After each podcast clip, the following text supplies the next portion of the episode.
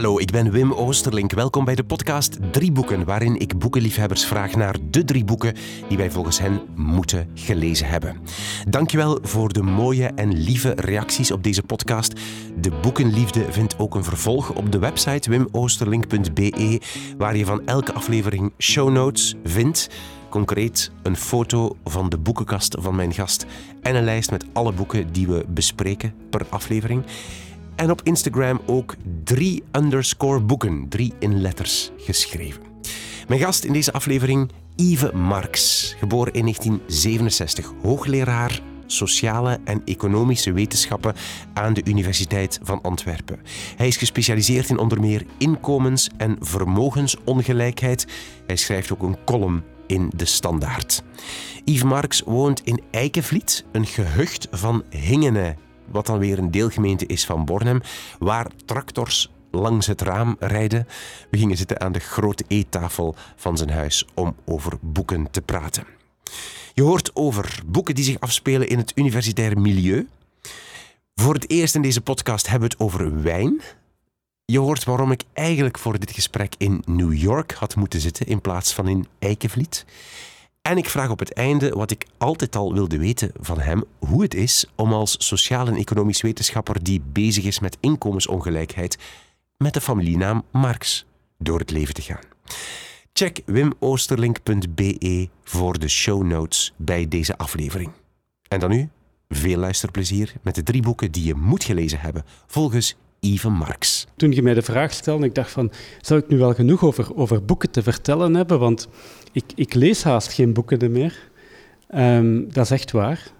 En, maar toen stelde ik vast, ik heb naar een aantal van, van, van uw uitzendingen geluisterd, dat er eigenlijk heel veel mensen zijn in mijn levensfase die zeggen dat ze nog heel weinig lezen. En hoe komt dat? Ik denk, uh, ik, ik behoor wel tot, tot die groep van mensen die ooit heel veel gelezen heeft. Hè. In, in mijn jonge jaren, in, in mijn jeugdjaren, maar ook als ik adolescent was, en, las ik ontzettend veel. Um, ja, het, was, was, was muziek luisteren, tv kijken of lezen. Hè. Er was geen, waren geen iPads en, en, geen internet. Dus ik, ik, las toen veel. Ik heb ook een tijd lang op internaat gezeten. Um, en studeren, dat deed ik niet graag. Dus um, dan, dan, dan kon ik lezen, dat, was mijn... Ja, en en daar, waren verplichte studietijden. Hè. Dat was, uh, moest, daar gaan zitten en en dus uh, een boek, dat was dan, uh, dat was dan het escapisme, dat bood, dat bood, bood een beetje de, de ontsnapping. Um, en wanneer is dat dan gestopt? Dat is, ik, ik, dat is geleidelijk minder geworden. Dus ik, ik, lees nog, ik lees nog boeken, vooral in vakanties. Denk dat dat vaak voor mensen zo is. Um, maar ja, de, dat ik, ik, ik lees eigenlijk s'avonds. Dus met een boek in, in bed liggen, dat, dat doe ik niet meer. En dat heb ik heel lange tijd gedaan. En dus dat is, ja, dat is allemaal de, de, de fout van, van, van Steve Jobs en, en al die mensen die, het internet en, en de iPads enzovoort hebben, hebben uitgevonden. Ik, ik lees wel op mijn iPad of op mijn iPhone. daar, daar, um, dat is gemakkelijk om, ik kan daar ook gemakkelijk boeken op downloaden. Wat ook heel interessant is, dat, dat, dat, je, stukken van boeken kan downloaden. Dus ik kijk wel vaak door die bibliotheek die, dan, die daarop staat. En dan kan, je het eerste hoofdstuk eh, downloaden. En dat doe ik dan nog wel eens. Maar, maar echt uitlezen, het gebeurt toch echt uh, nog, nog weinig, moet ik zeggen. En die boeken waarvan, dan je, dan, waarvan je dan een hoofdstuk downloadt, is dat dan uh, meer non-fictieboeken of wetenschappelijke boeken? Of zijn dat echt romans? Nee, dat zijn, dat zijn meestal wel fictieboeken. Ja. ja. Maar ik, ik, lees er zelden echt in, in, in verder, moet ik zeggen. Ja. Ik, ik weet niet hoe dat is. Ook, ik denk dat, dat onze manier van denken ook echt veranderd is door de technologie. We zijn gewoon... Um, ja, onze attentie, hè, was in het Engels attention span, hè, uw vermogen om, om lange tijd iets daarop te concentreren, of daar heel veel tijd voor, waarbij wij leven veel jachtiger.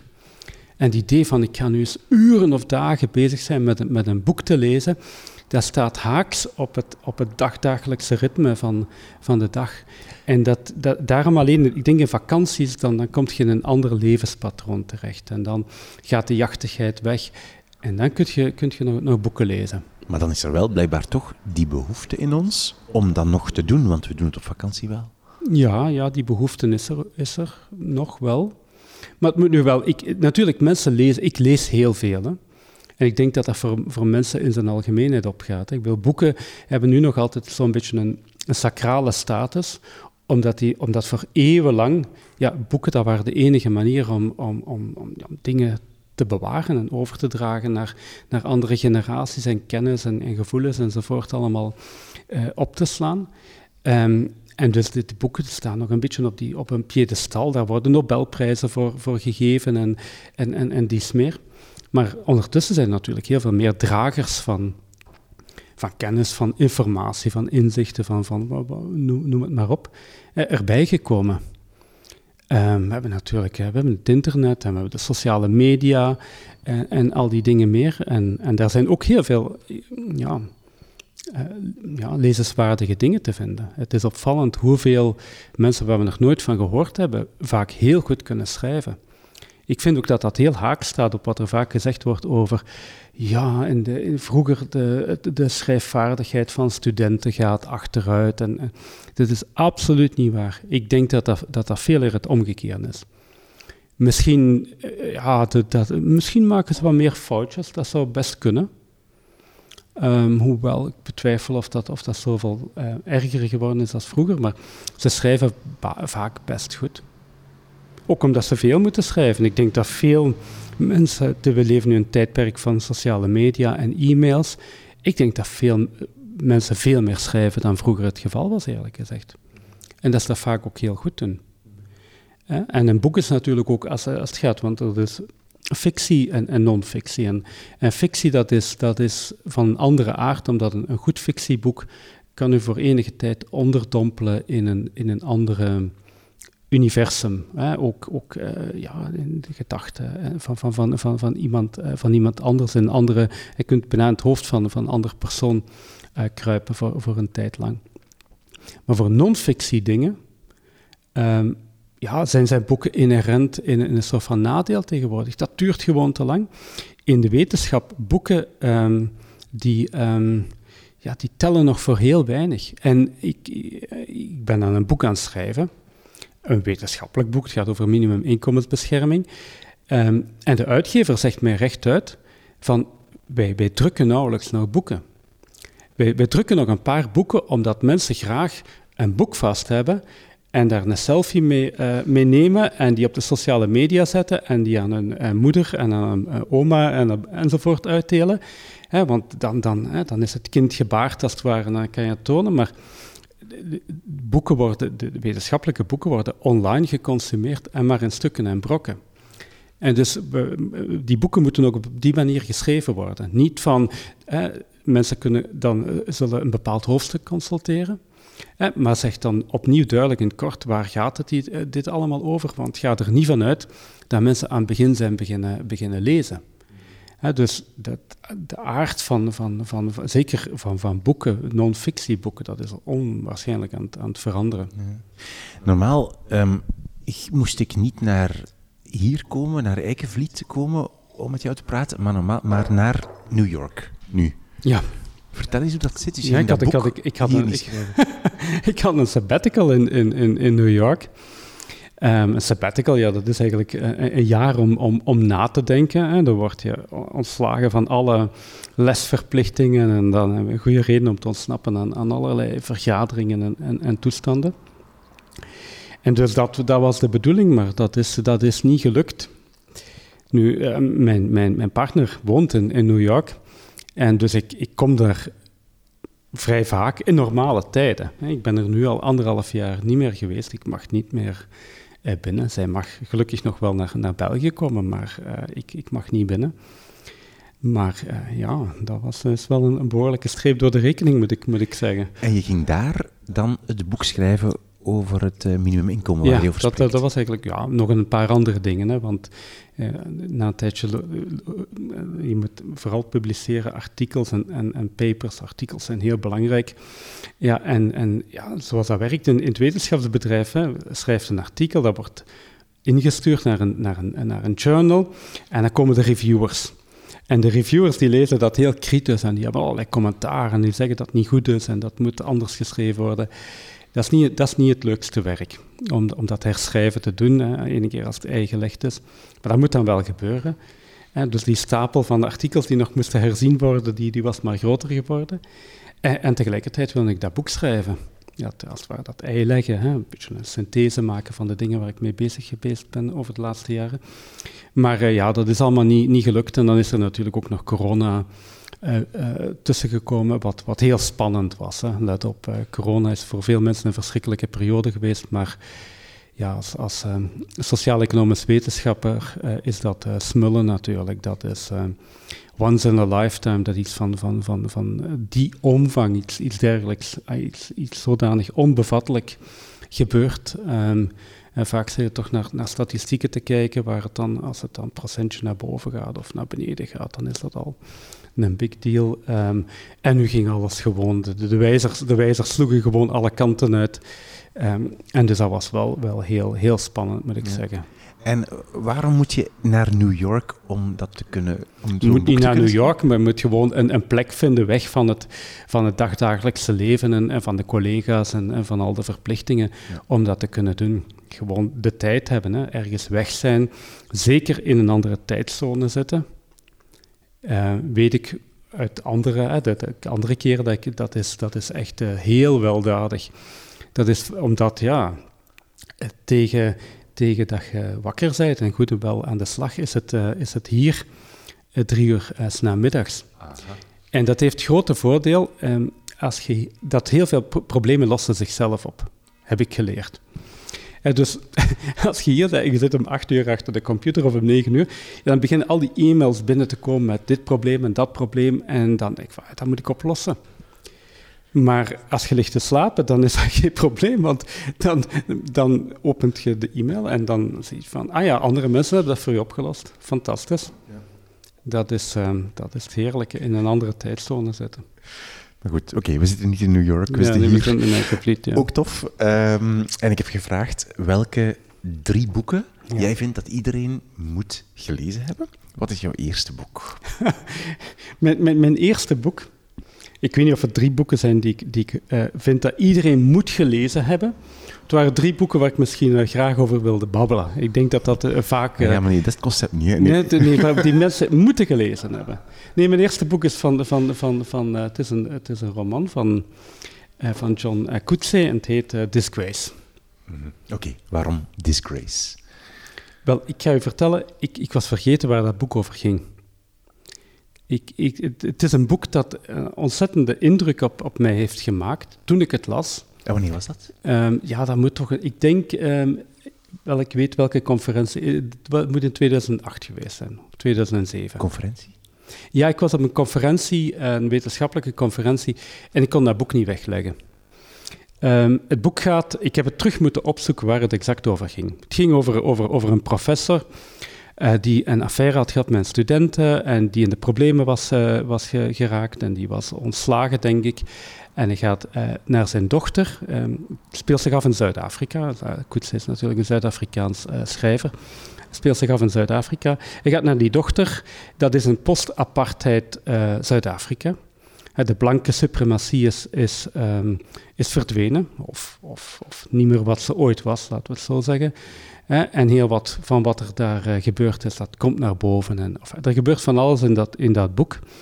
Maar de reden dat het mij is, um, als het ware bijgebleven, is omdat de wijze waarop het geschreven was. Dus Coetzee is, is, bekend voor zijn heel spaarzame stijl van schrijven.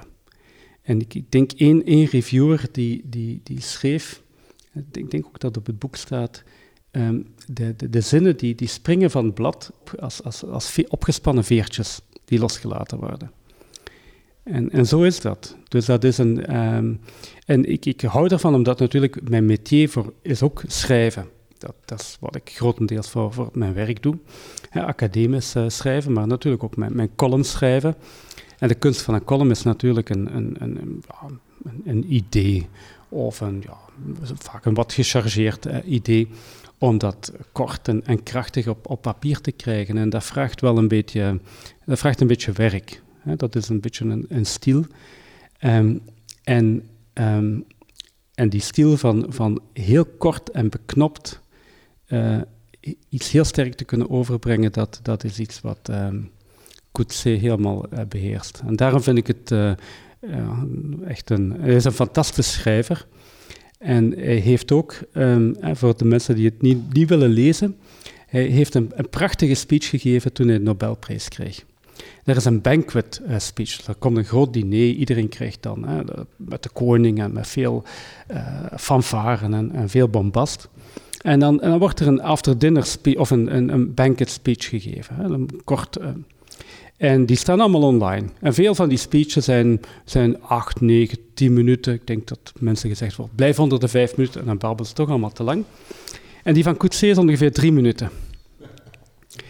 En dat is een, een fantastische speech. Ik kan nu iedereen alleen maar aanraden, kijk daar eens even naar. Dat is opnieuw in, in drie minuten zoveel overbrengen op een ja, wat droge, ook wel grappige uh, manier. En dat is, uh, ja, dat, is, dat, is, uh, dat vind ik heel indrukwekkend. En probeer je dan in je columns, neem je hem dan als het ware als leermeester voor je eigen schrijven?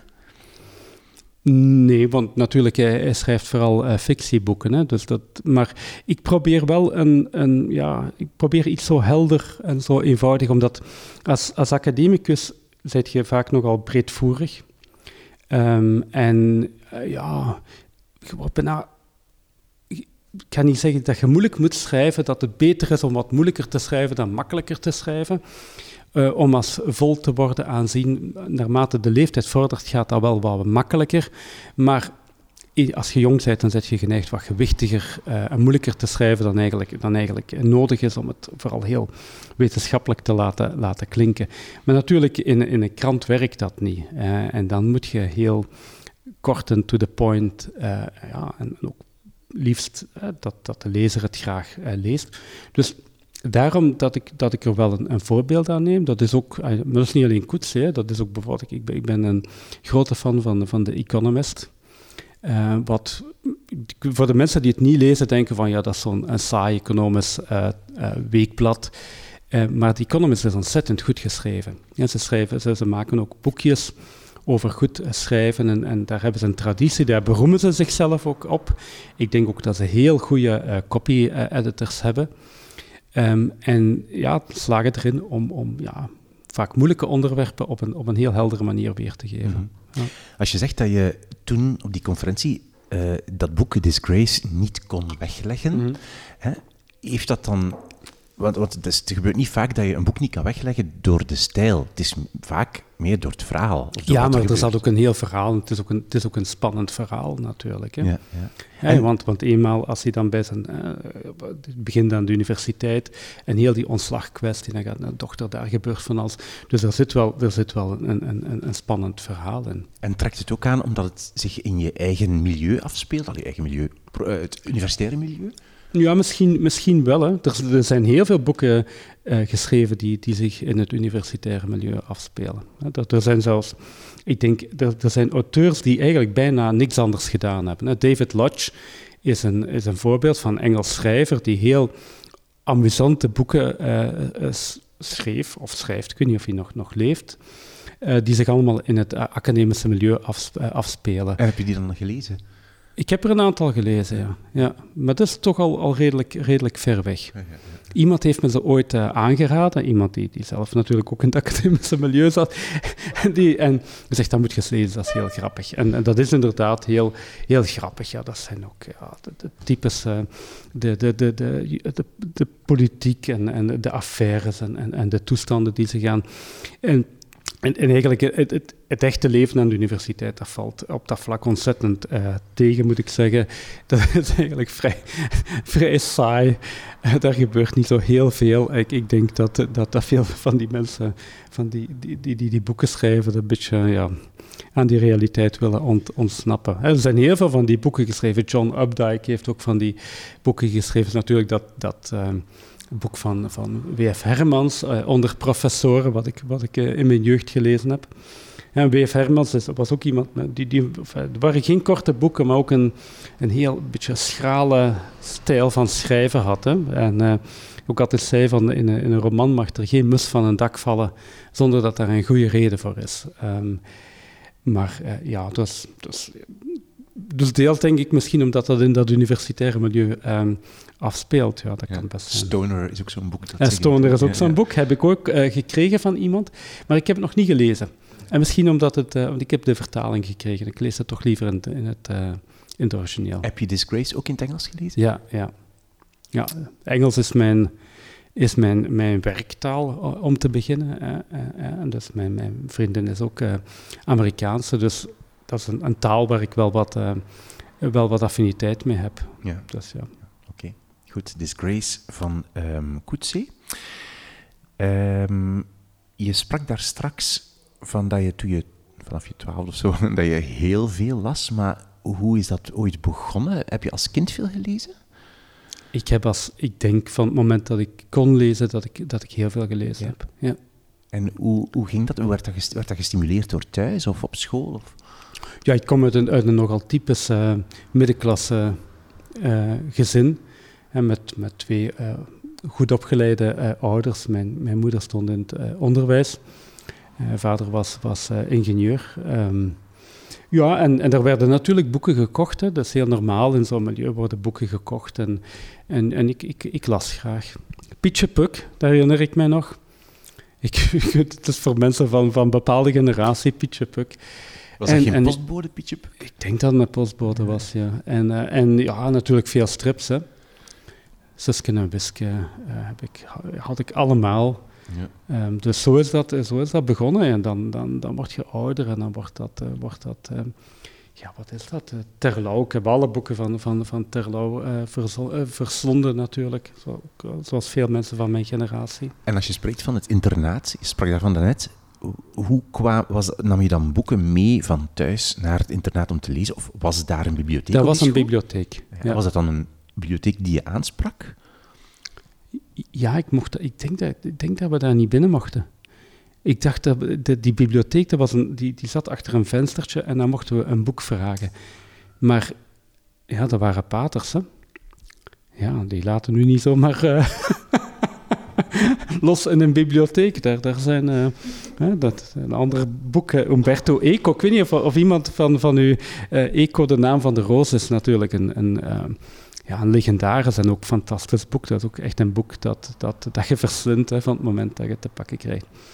Ja, nee, paters laat nu niet zomaar een bibliotheek binnen. Die letten wel op wat daarin staat. Um, en um, ja, maar ik weet niet, hoe, hoe, mochten we dan die boeken kiezen? Ik kan het mij e- eerlijk gezegd maar niet Maar je moest echt aan de balie één vragen ja, en dan kreeg je ja, ja, en dan kreeg je die boeken en, en zo heb ik veel gelezen toen. Okay, goed.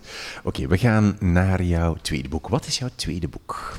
Mijn tweede boek is um, uh, The Big Short van Michael Lewis. Vertel. Ja, dat gaat... De, de, Michael Lewis is, is, is ook een briljant uh, schrijver. Hè. Um, iemand die over... Met name omdat hij over thema's schrijft... Um, waar, waar vaak heel saaie dingen over, over geschreven worden, maar die er echt wel toe doen. Um, de man is begonnen in, uh, als, als, als bankier. Of hij, is, hij is eigenlijk begonnen als, als kunsthistoricus. Hij heeft, aan Princeton had hij kunstgeschiedenis gestudeerd. Dan is hij naar de LSE gegaan, hè, London School of Economics, um, economie gaan studeren. En dan is hij voor een, een, bank gaan werken. En, en kort daarna is zijn, zijn eerste boek gekomen, heette Liars uh, Poker. En dat ging over wat er daar gebeurde in die investment banks in, in de city. En dat was bijzonder, bijzonder grappig uh, geschreven. Um, maar goed, het, het, gaf ook, het gaf ook uh, hij, verstaat die kunst om op een heel amusante manier uh, te schrijven. Hij hangt dat boek ook altijd op aan een aantal heel mar mar markante figuren, hè, characters zoals ze dat in, in het Engels zeggen. Hè, mensen die een beetje bigger than life zijn, grote persoonlijkheden. Um, en, en, dat wordt dan allemaal wat uitvergroot. En, en, die dienen dan als, als vehikel om iets over, over de wereld te vertellen. En in zijn geval vaak over de financiële wereld. Um, en dat levert toch wel, hè, en, uh, dat levert toch wel inzichten op over hoe die zaken werken. En, en de Big Short gaat met name over wat er gebeurde in aanloop naar de financiële crisis uh, van uh, na 2007, 2008 wat een ontzettend grote impact heeft gehad op de wereld. Hier wat minder, maar natuurlijk in, in Amerika, dat heeft, uh, heeft mensen echt in, in verderf en miserie gestort. Tot en met in, in Griekenland. Griekenland, dat was, dat was een, een, echt een horrorstory. Dat is echt een, direct gevolg geweest van die, van die financiële crisis. Dat is trouwens ook een heel goed uh, boek. Dat is een van de laatste die ik gelezen heb van Yannis uh, Varoufakis. Die heel korte tijd was een heel flamboyant figuur die heel uh, korte tijd um, minister van, van, van Financiën is mhm. geweest in Griekenland tijdens de financiële crisis. En daar de, de bad boy, de rebel, uh, uithing. En heeft daar een, een heel grappig boek um, over geschreven. Uh, hij is een beetje ja, een ego-tripper. En dat boek is ook, is ook een heel ego-tripperig boek. Dat komt er eigenlijk op neer dat heel die financiële uh, wereld wordt bevolkt door, door, door idioten en door crooks en, en, en, en, en slechte mensen. En, en, dat eigenlijk hij alleen uh, inziet hoe, het, hoe de wereld, hoe, hoe, het, hoe het echt in elkaar zit. Dus dat is een zeer grappig, zeer grappig boek. Het begint ook met een fantastische soort van ja, Hollywoodiaanse openingsscène, en waar hij samen met Larry Summers de, de, toenmalige minister van, van Financiën van de Verenigde Staten, ook een heel beroemd uh, Harvard-prof. hij was toen ooit ook uh, de president of de rector van, van Harvard geweest en hij is daar moeten opstappen omdat hij, is notwaar, hij was notwaar uh, arrogant. En, ehm, en dus Summers die zegt tegen Varoufakis, ja, heb je de keuze, ofwel gaat je leuke dingen blijven schrijven en, en de interessante uithangen, ofwel word je serieus genomen. Word je serieus genomen. Hè? Ofwel wil je de adult in de room zijn, hè, degene die, die echt een, mee, het spel meespeelt, dan gaat toch um, een, beetje, een, beetje, een beetje moeten dimmen. Um, dus dat, dat, dat, is ook een heel goed boek over, over die financiële crisis. Maar wat Michael Lewis doet, is eigenlijk nog, nog, denk ik, inzichtrijker, omdat hij laat zien wat, wat daar eigenlijk gebeurd is achter de schermen. Uh, en dat is heel belangrijk, want elke economist, wat er daar gebeurd is, gaat in tegen wat elke student aan de universiteit leert over de economie. Namelijk, wat ik ook geleerd heb, van de markten zijn efficiënt. De markten, de markt, dat, werkt, dat is eigenlijk een fantastisch ding, dat werkt heel goed. Dat brengt ons welvaart, dat zorgt dat de juiste producten uh, en de diensten worden geproduceerd en dat er innovatie is enzovoort. En dat idee van, van, van, van die markten die functioneren op een. Op een uh, Passeert een, uh, wat is het, een tractor? Ja, dat is in zo'n dorp. dat is, dit is hier heel ver van, van, van Wall Street uh, in, in Eikenvliet. Ja, ja, ja, nou, dus, die, die, die, dus dat, dat werkt perfect. En, die, en je kunt eigenlijk de markten ook niet verslaan. Dus dat, dat, dat, leren we. De markt, want die markt, alles, alles wat, er, wat, wat, er, wat er geweten is, dat is er eigenlijk al in verdisconteerd. En eigenlijk is het onmogelijk om de markt te kloppen. Ja, dat is het idee hè, dat bestaat. Hè? Ja, dat, ja, is, dat is het idee wat bestaat. En, en, dat is ook al een paar keer aangetoond. Men heeft al een paar keer van die experimenten gedaan, waar men dan uh, beleggers, uh, hoog, goed betaalde uh, beleggers, een, een belegging laat doen of een portfolio laat samenstellen en ook een, een, een bende uh, bonobo's of, of andere uh, dieren. Um, en, en, en dan blijkbaar, va vaak is er niet zo'n heel groot verschil. En dus ook wat, wat, wat wij leren in de economie van, ja, je moet gewoon een gediversifieerde portfolio hebben en kunt de markt toch niet, niet, niet kloppen. En dat is nu exact natuurlijk wat gebeurd is. Dat is wat wel gebeurd is. Dat is wat wel gebeurd is en hij hangt het op aan een aantal figuren. Eh, ja, een beetje outsiders, ehm, ja, mensen die non-conformisten, die tegen, tegen dat, daar tegen in durven gaan. Um, en die er inderdaad in slagen om het, om het uh, systeem te, te, te kloppen. Ja. Um, en eigenlijk laten zien van ja, dat, alles wat, wat we daarover geleerd hebben, dat, dat klopt niet. En, en dat gaat eigenlijk in, in veel opzichten op. Hè. Dus eigenlijk wat, wat we allemaal in die, in die handboeken, wat we op school leren, um, wat we op, op de universiteit leren, heel veel klopt daar niet van en op een, een behoorlijk fundamentele manier. Ja. Uh, jij bent in je werk heel veel, heel vaak bezig met sociale ongelijkheid. Mm -hmm. hè? Is dat is jouw interesse voor Michael, want Michael Lewis is daar eigenlijk ook bijna altijd weer alles wat hij beschrijft, heeft als gevolg ergens sociale ongelijkheid. Dat zit heel diep in zijn, in heel zijn oeuvre eigenlijk. Ja. Um, trekt jou dat aan in zijn werk? Is, is dat de, reden waarom je zo aangetrokken bent tot zijn werk? Ja, omdat, omdat, omdat, omdat hij echt een, aantal mechanismen laat zien hoe ongelijkheid uh, tot stand komt. Ja. ja dus de, de, de en, en, dat, dat en dat is nu, nu is heel dat onderzoek erg in een, in een stroomversnelling uh, terechtgekomen. Toen ik begon, um, ik, ik, ben al lang met ongelijkheid bezig, 30 jaar geleden ondertussen als, als heel jong, uh, vers afgestudeerd assistent. wij deden aan, aan, aan ons centrum deden wij ongelijkheidsonderzoek. En internationaal gebeurde dat ook. En de mensen die daarmee bezig waren, die konden we met gemak rond deze tafel zetten, bij wijze van spreken. Dat was een, was een beetje een, een, een domein in de marge. Niemand was er echt mee, mee bezig. Um, dat was ook een, een, tijdsgeest waarin ongelijkheid eigenlijk niet als heel problematisch werd, werd gezien. Het was ook een, een heel neoliberale uh, tijdsgeest. Hè. Dat was de, tijd van, van Reagan en van Thatcher uh, en, en, enzovoort. En, en daar lag niemand van wakker. De, van, ja, het idee van ongelijkheid, dat is iets wat we nodig hebben. Als we een goed functionerende economie willen en als we, er, als we willen dat iedereen vooruit gaat, dan hebben we ongelijkheid uh, nodig. Hè, dus dat is eigenlijk goed, of onvermijdelijk, zo je wilt. Hmm. En, en, nu is het toch wel, dertig jaar later, uh, duidelijk geworden dat, dat dat echt helemaal uh, anders in elkaar zit. Hè. We hebben een boek van, van Thomas Piketty gehad, dat, dat denk ik, ja, dat heeft heel sterk um, geresoneerd, om, omdat dat kwam op een, op een goed moment, hè, ook na, na die financiële crisis, hè, waar het al duidelijk was geworden van die economen, die hebben het echt wel helemaal fundamenteel fout.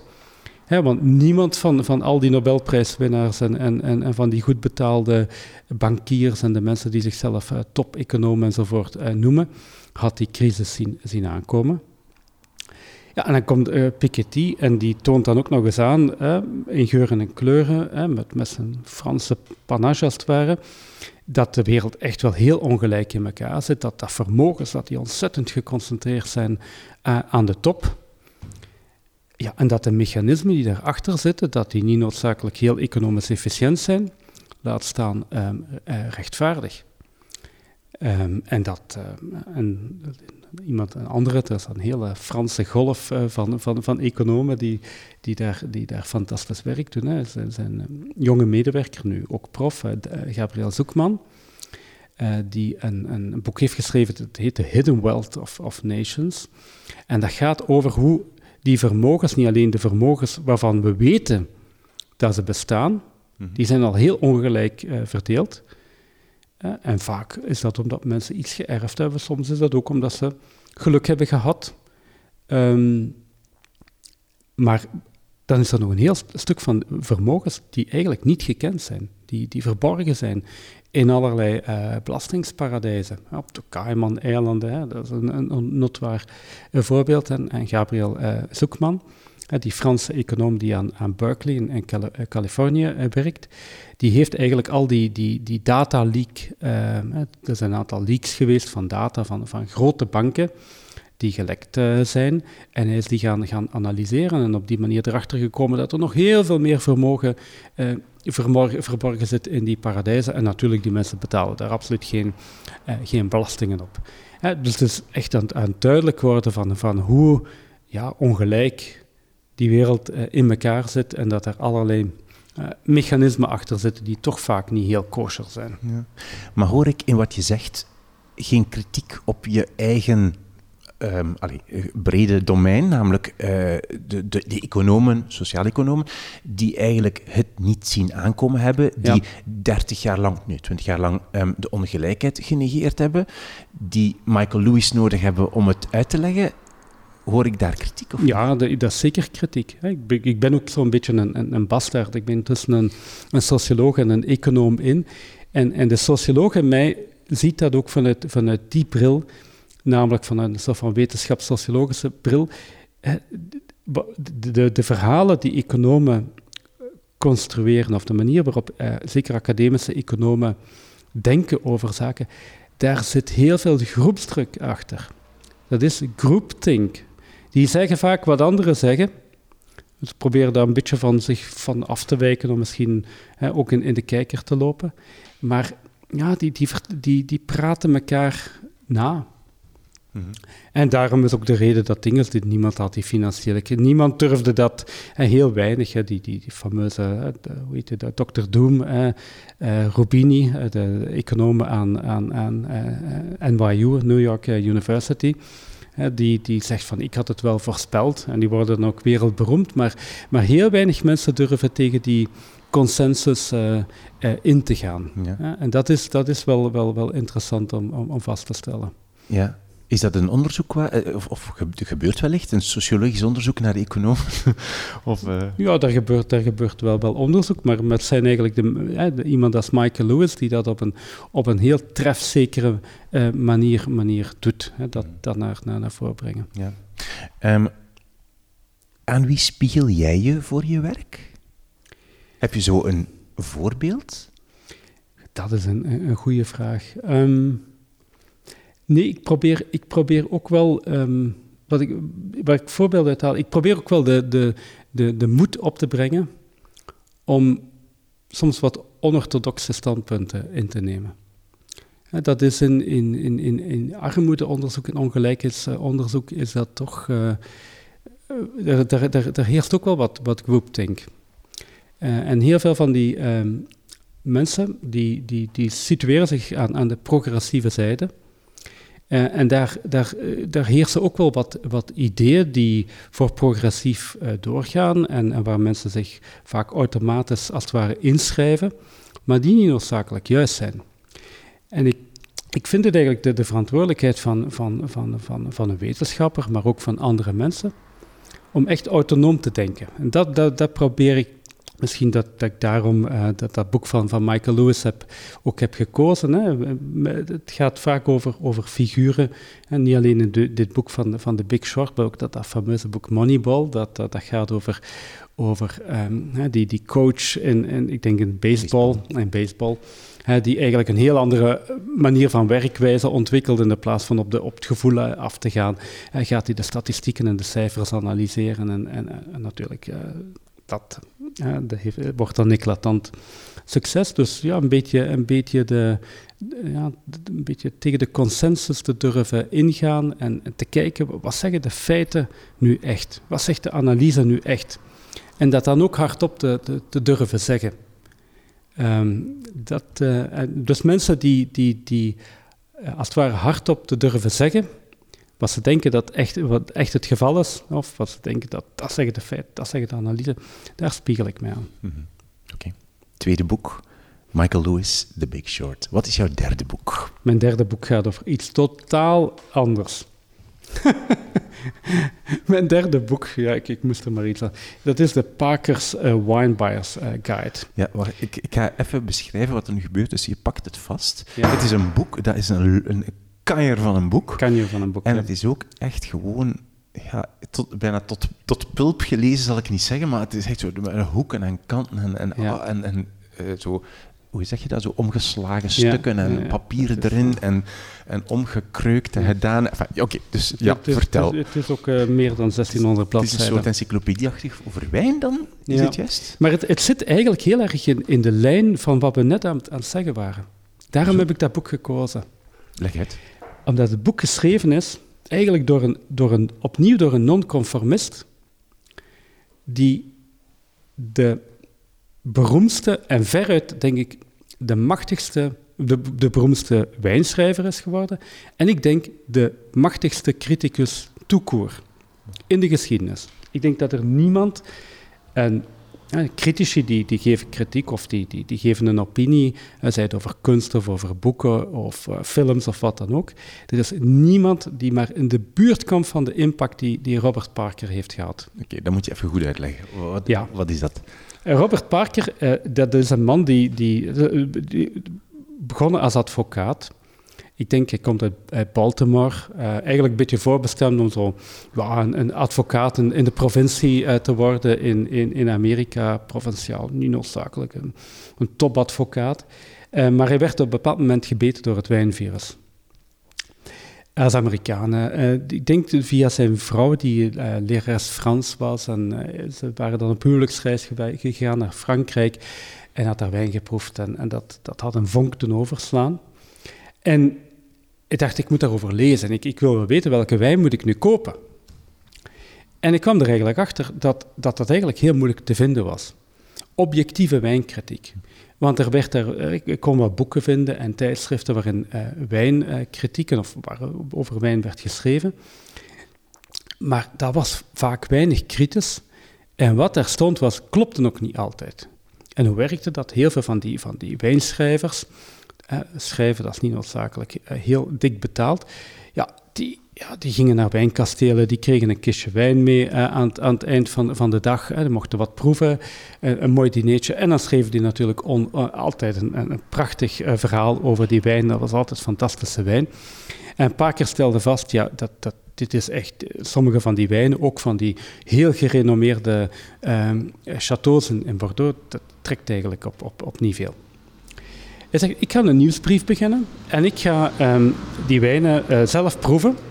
En dan schrijf ik in die nieuwsbrief, uh, het heet de Wine Advocate, uh, schrijf ik over gewoon wat ik denk over die wijnen. En ik geef die een score. Dat was, dat was de, de masterstrook van, van Van Parker. Ik geef die een, een, een score. Dus ik, ik, geef die een score op 100. En dat begon met een, een nieuwsbrief met, met een aantal honderd exemplaren. En dat is blijven groeien. En op een bepaald moment um, is Parker is zo invloedrijk geworden uh, dat in winkels werden die, die Parker-scores geadverteerd. En die werden op de rekken, dit is een Parker 95 wijn. En dan verkocht dat. Zelfs door mensen die die boeken niet, of die die nieuwsbrief, maar dat was... En uh, Parker begon ook die wijnen te proeven, uh, als die, um, voordat die uitkwamen, voordat die op de markt verschenen. En op, hij is eigenlijk geleidelijk aan zodanig machtig geworden dat, dat, dat de producenten eigenlijk de wijn begonnen te maken naar zijn smaak. En een paar keer, een paar keer scoren, en dat is letterlijk zo, maakte of brak een wijn.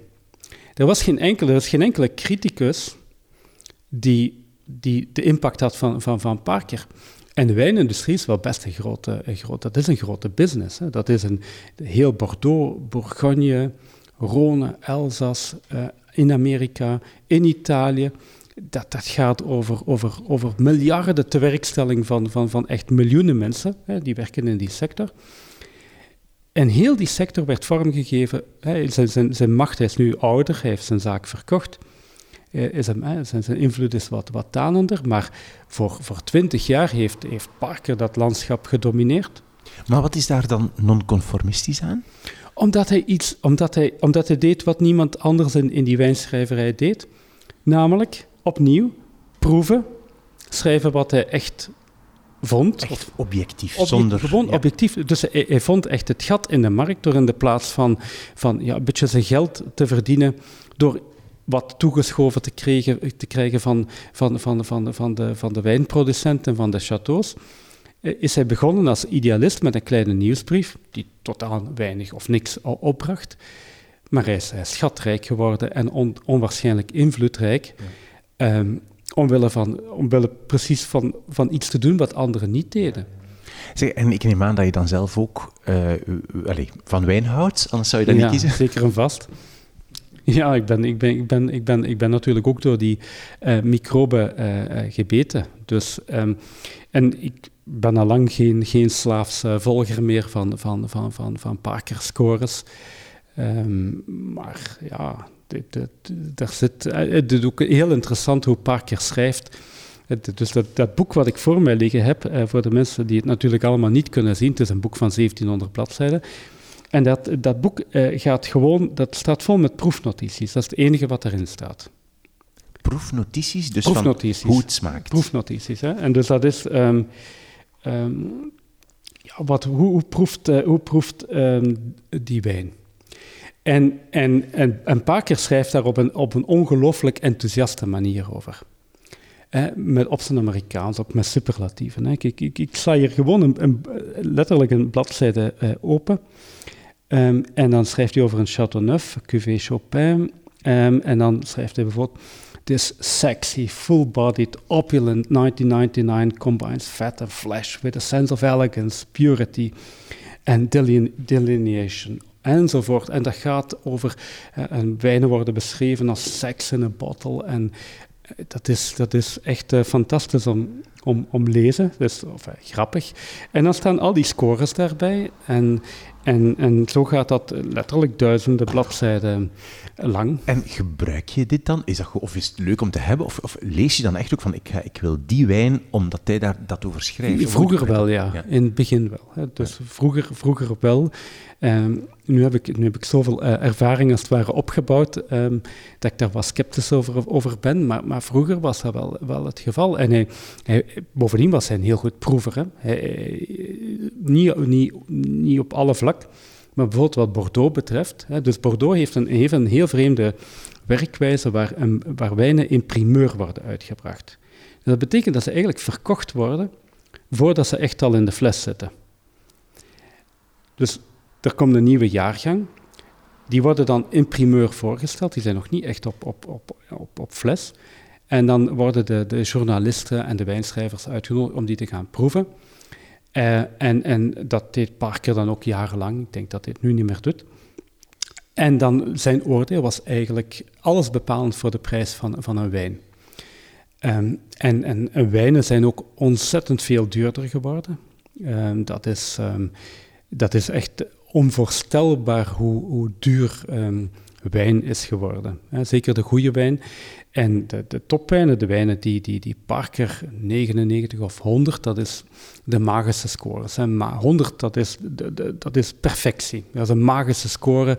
Elke wijnmaker ambieert om ooit eens een 100 punten van Parker te krijgen. Maar is dat niet super subjectief? Gewoon is dat niet helemaal anders bij hem dan bij mij? Natuurlijk is dat super subjectief.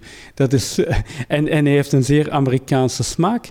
En dus dat, dat, dat, heeft, dat heeft een, een soort van uh, ja, existentiële crisis bijna in, in heel Frank in wijnmakend Frankrijk uh, teweeggebracht. Er zijn ook mensen die een hartgrondige hekel hebben aan, aan, aan Parker. En, er zijn comité's en of, eh, waarschijnlijk ook zelfhulpgroepen opgericht. Omdat hij heeft, een, hij heeft natuurlijk een, een, een heel Amerikaanse smaak. Dus een wijn moet big zijn en dat moet fruitig zijn. Um, en, en ja, veel, veel uh, Fransen zweren bij een heel andere stijl uh, van, van wijn maken. Veel, wat, wat eleganter. En, en, en, ja, maar om te overleven zijn veel ervan gedwongen geworden om die parkerwijnen te gaan maken, want anders verkochten die gewoon niet. Niet alleen in Amerika, maar zelfs niet, niet in Europa. Hè. Hij was alles, hij was alles uh, dominant. Hè. Er is ook een boek over hem geschreven, The Emperor of, The Emperor of Wine, de keizer van de wijn. Uh, en en, en, en dat, dat, dat was hij ook. Ja. Hey, in, in, in, in, Châteauneuf, Châteauneuf-du-Pape, zuidelijke Rhône. Ja, daar, daar, ik denk dat ze letterlijk een, standbeeld voor de man uh, hebben neergezet, want, want uh, Parker houdt dus van, die, houdt van, van die grote wijnen. Ja, en, en dat is die, die, die Châteauneuf, dat zijn, dat zijn heel zwoele, uh, zoete wijnen met veel alcohol in. Um, ja, en, en, en Parker gaf die uh, 100 punten aan de lopende band. En dus uh, mensen kochten dat. En, en die wijnmakers zelf, hè, wie daar in der tijd, als, als, als je daar kwam, ja, die konden dat zelf niet geloven. Er kwamen dan Amerikanen die, die met, met, met, met groot plezier 2, 3, 400 euro voor een, een, een fles Chateauneuf um, neertelden, die tien jaar eerder, of pre-Parker, uh, voor, voor, voor, in het beste geval aan 20, 25 euro ging en ook zijn, zijn hè, de Bordeaux, ja, een grote Bordeaux, een, een, top Bordeaux, een Haut-Brion of uh, Latour, dat, dat, dat kostte 700, 800 uh, euro per fles. Um, en ja, de, de, de, prijs werd bepaald door, door, door Parker. Wauw. Dus de man, de man is, is, is, is, is van, een, ja, van een onzagwekkende invloed geweest. Ik denk echt niet dat er in de in de, ehm, ja, de geschiedenis van de kritiek als het ware iemand zodanig invloedrijk is geweest. Hè. Zijn in de film, er zijn filmrecensenten die, die wat, wat, wat meer impact, impact hebben dan anderen. Voor boeken gaat dat hetzelfde. Maar ik, niemand komt in de buurt van Parker. Ja. Oké, zeg nog eens de naam van het boek. Dus Robert Parker met Dit boek, Parker's... Parker's Wine Buyer's uh, Guide. Ja. Waar als je dichtslaat. En de ondertitel is The Complete Easy-to-Use Reference on Recent Vintages, Prices and Ratings for More than 8000 Wines. Ja. ja. Wauw. Oké. Okay. Het is de eerste keer dat, ik het over wijn heb in deze podcast. Dat, dat, dat is on onvoorstelbaar. snap je niet. er worden ook niet zoveel, uh, daar worden ook niet veel boeken over geschreven die iemand uh, moet gelezen hebben natuurlijk. Nee. Heb je nog boeken over, heb je nog boeken over wijn? Ik heb nog wel wat boeken over wijn, ja. Ook omdat, omdat dat, natuurlijk een, een, dankbaar cadeau is om aan, aan, mij te geven. En dan uh, geef me maar een, een, een, wijnboek of een, of een fles wijn. Uh, maar dat, een fles wijn, dat is moeilijker natuurlijk, want daar, daar ben ik dan wat kritischer over. Maar als eerste Parker Guide, dan, eh, dan weet je het wel. Hè. Dan goed. Ja. nee, er, zijn niet zoveel, er zijn niet zoveel goede boeken over, over wijn geschreven, eigenlijk. Okay. Wil jij jouw drie boeken nog eens herhalen, alsjeblieft? Daarna, daarna heb je nog een vraag, hoor. Maar... Het eerste boek was uh, Disgrace van uh, John Coetzee. Tweede boek was Michael Lewis' The Big Short. En het derde boek was Robert Parker's Wine Buyer's Guide. Ja.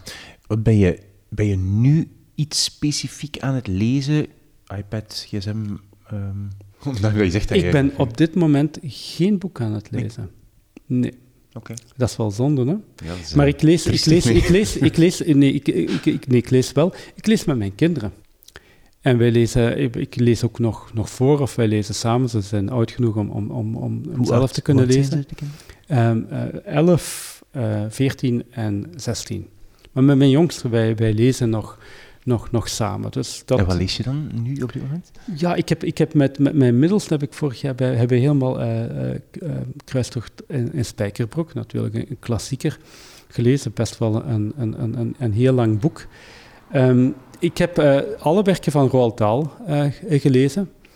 Hij is een heel goed schrijver natuurlijk. Dat is heel um, leuk om, om te lezen. Um, we zijn nu nog in de, de regels van Floor aan het, aan het lezen van Marion Hofman. Ah, ja. de regels van Floor is ook is, is, uh, is een heel, heel grappige televisieserie. Ah, oké. Ja, dat is. Uh, ik, ik, ik, kreeg eens van Humo het, het vraagje: wat, was de, wat is de beste uh, televisie?